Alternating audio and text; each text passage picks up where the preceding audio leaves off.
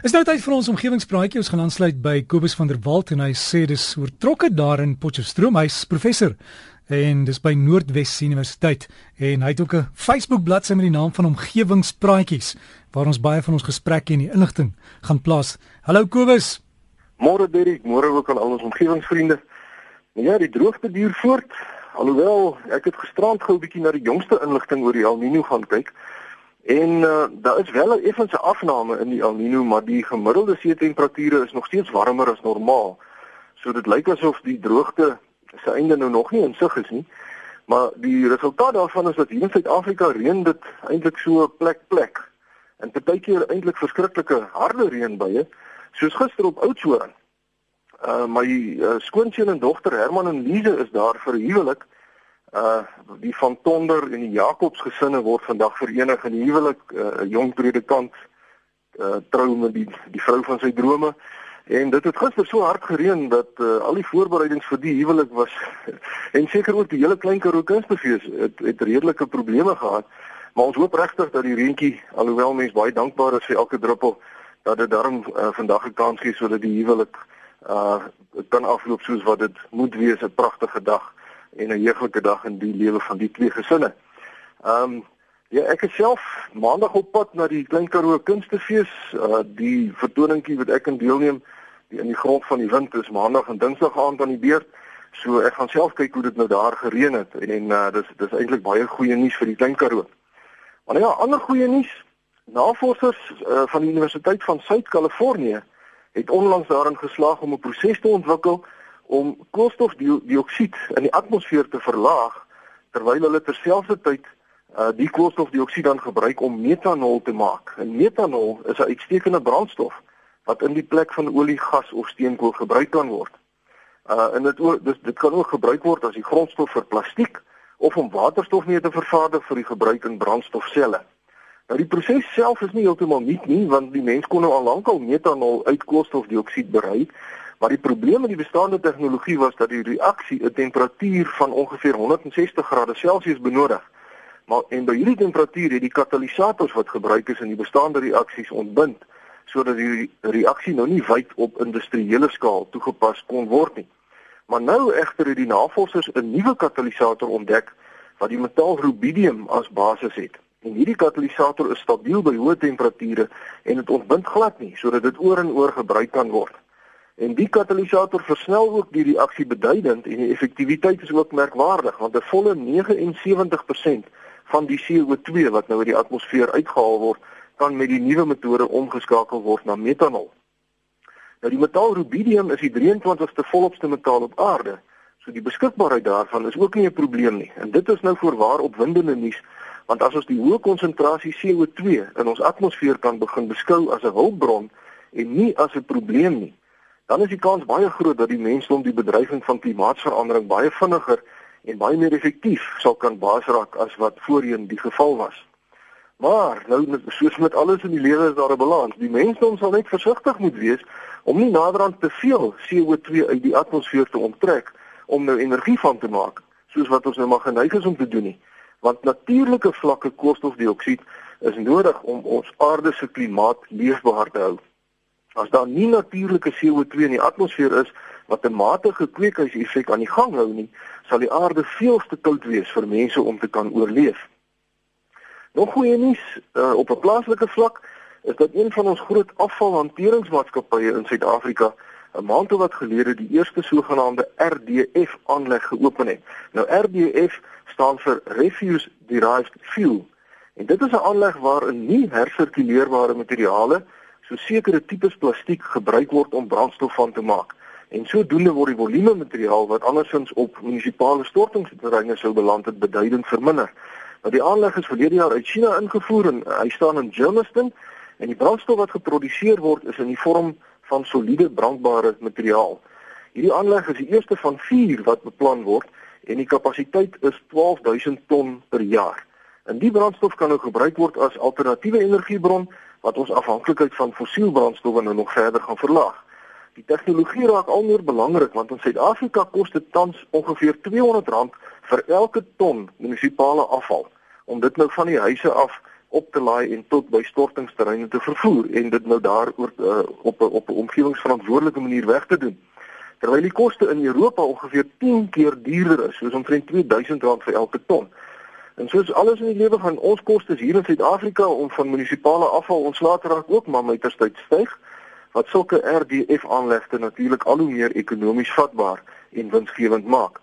Die kapitaalkoste vir so 'n aanleg is baie duurder in Europa as hier by ons, want daar gebruik hulle nou toerusting, gespesialiseerde goed soos ekstrale en optiese skandeerders en digtheidsskeidingsmetodes om die afvalstroom te sorteer, terwyl by die aanleg in Germiston van handearbeid gebruik gemaak word en omtrent 400 mense kry werk by die aanleg. So en dit veroorsaak dat die aanvanklike koste van die aanleg omtrent 80% laer is as 'n soortgelyke aanleg in Europa. Ehm um, so Ons e-, eie RDF aanleg in Germiston vervaardig brandstof wat bykans dubbel so goed is as die brandstof wat in Europa uit afval vervaardig word en terselfdertyd gee ons vir 400 mense werk. Nou hierdie brandstof kan ook in kragstasies gebruik word en ook in sementfabrieke en nog baie ander toepassings. En ek sê baie dankie aan meneer Hein van der Walt van Kofesa vir die twee stukkies goeie nuus. En dan wil ek graag afsluit vir oggend met iets heeltemal anders en dit het nou te maak met die Paasfees. Die Paasnaweek wat ons tans gedenk. Ek wonder of mense al agtergekom het dat die Paasnaweek elke jaar op 'n ander tyd val. Verlede jaar byvoorbeeld het Paasnaweek op die naweek van 3 tot 6 April geval. Terwyl dit in 2014 die naweek van 18 tot 21 April was. Nou vir jaar is die Paasnaweek vroeg in die jaar, ons is uh, die naweek 25 tot 28 Maart. So waar vandaan die rondgeskuiwery van die datum?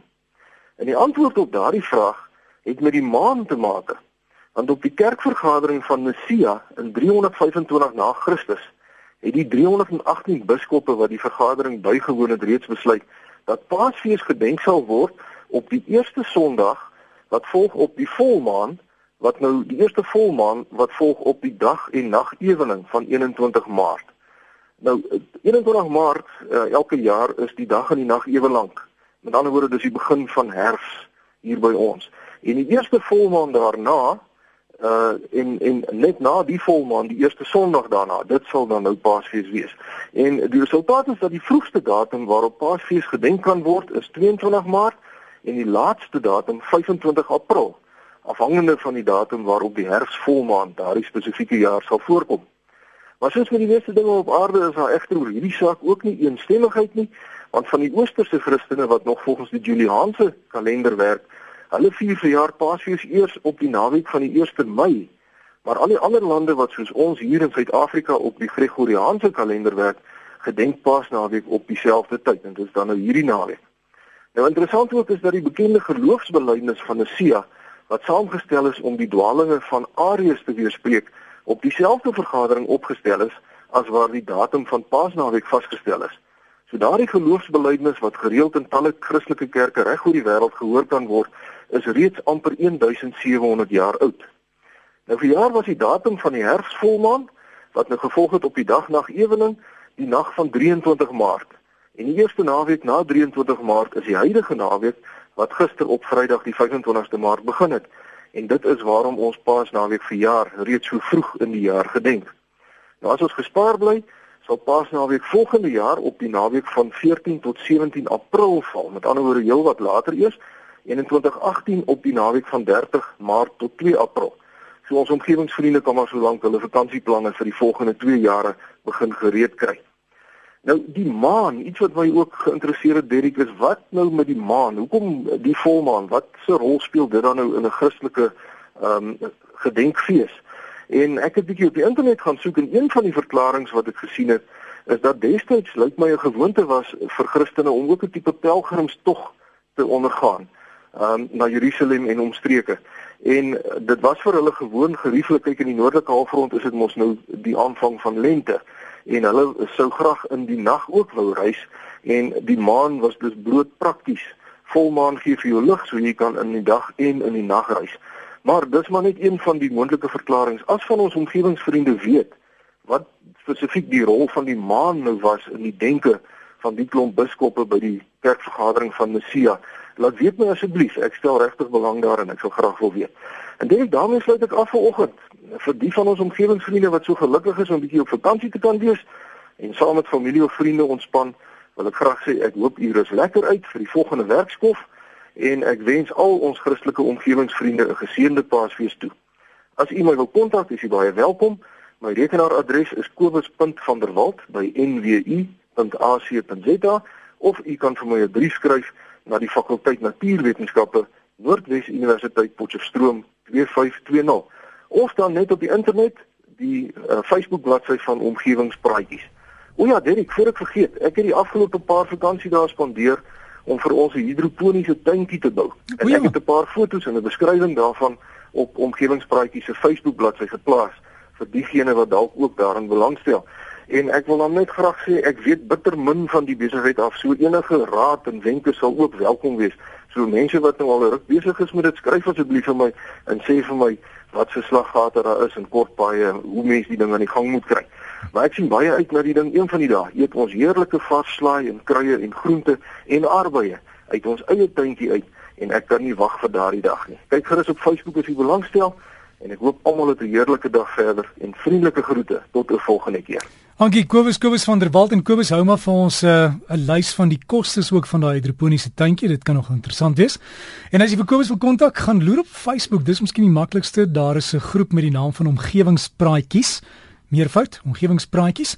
Anders kan jy vir Kobus e-pos is kobus.vanderwalt@nwu.ac.za. Kom ons hou die wêreld groen.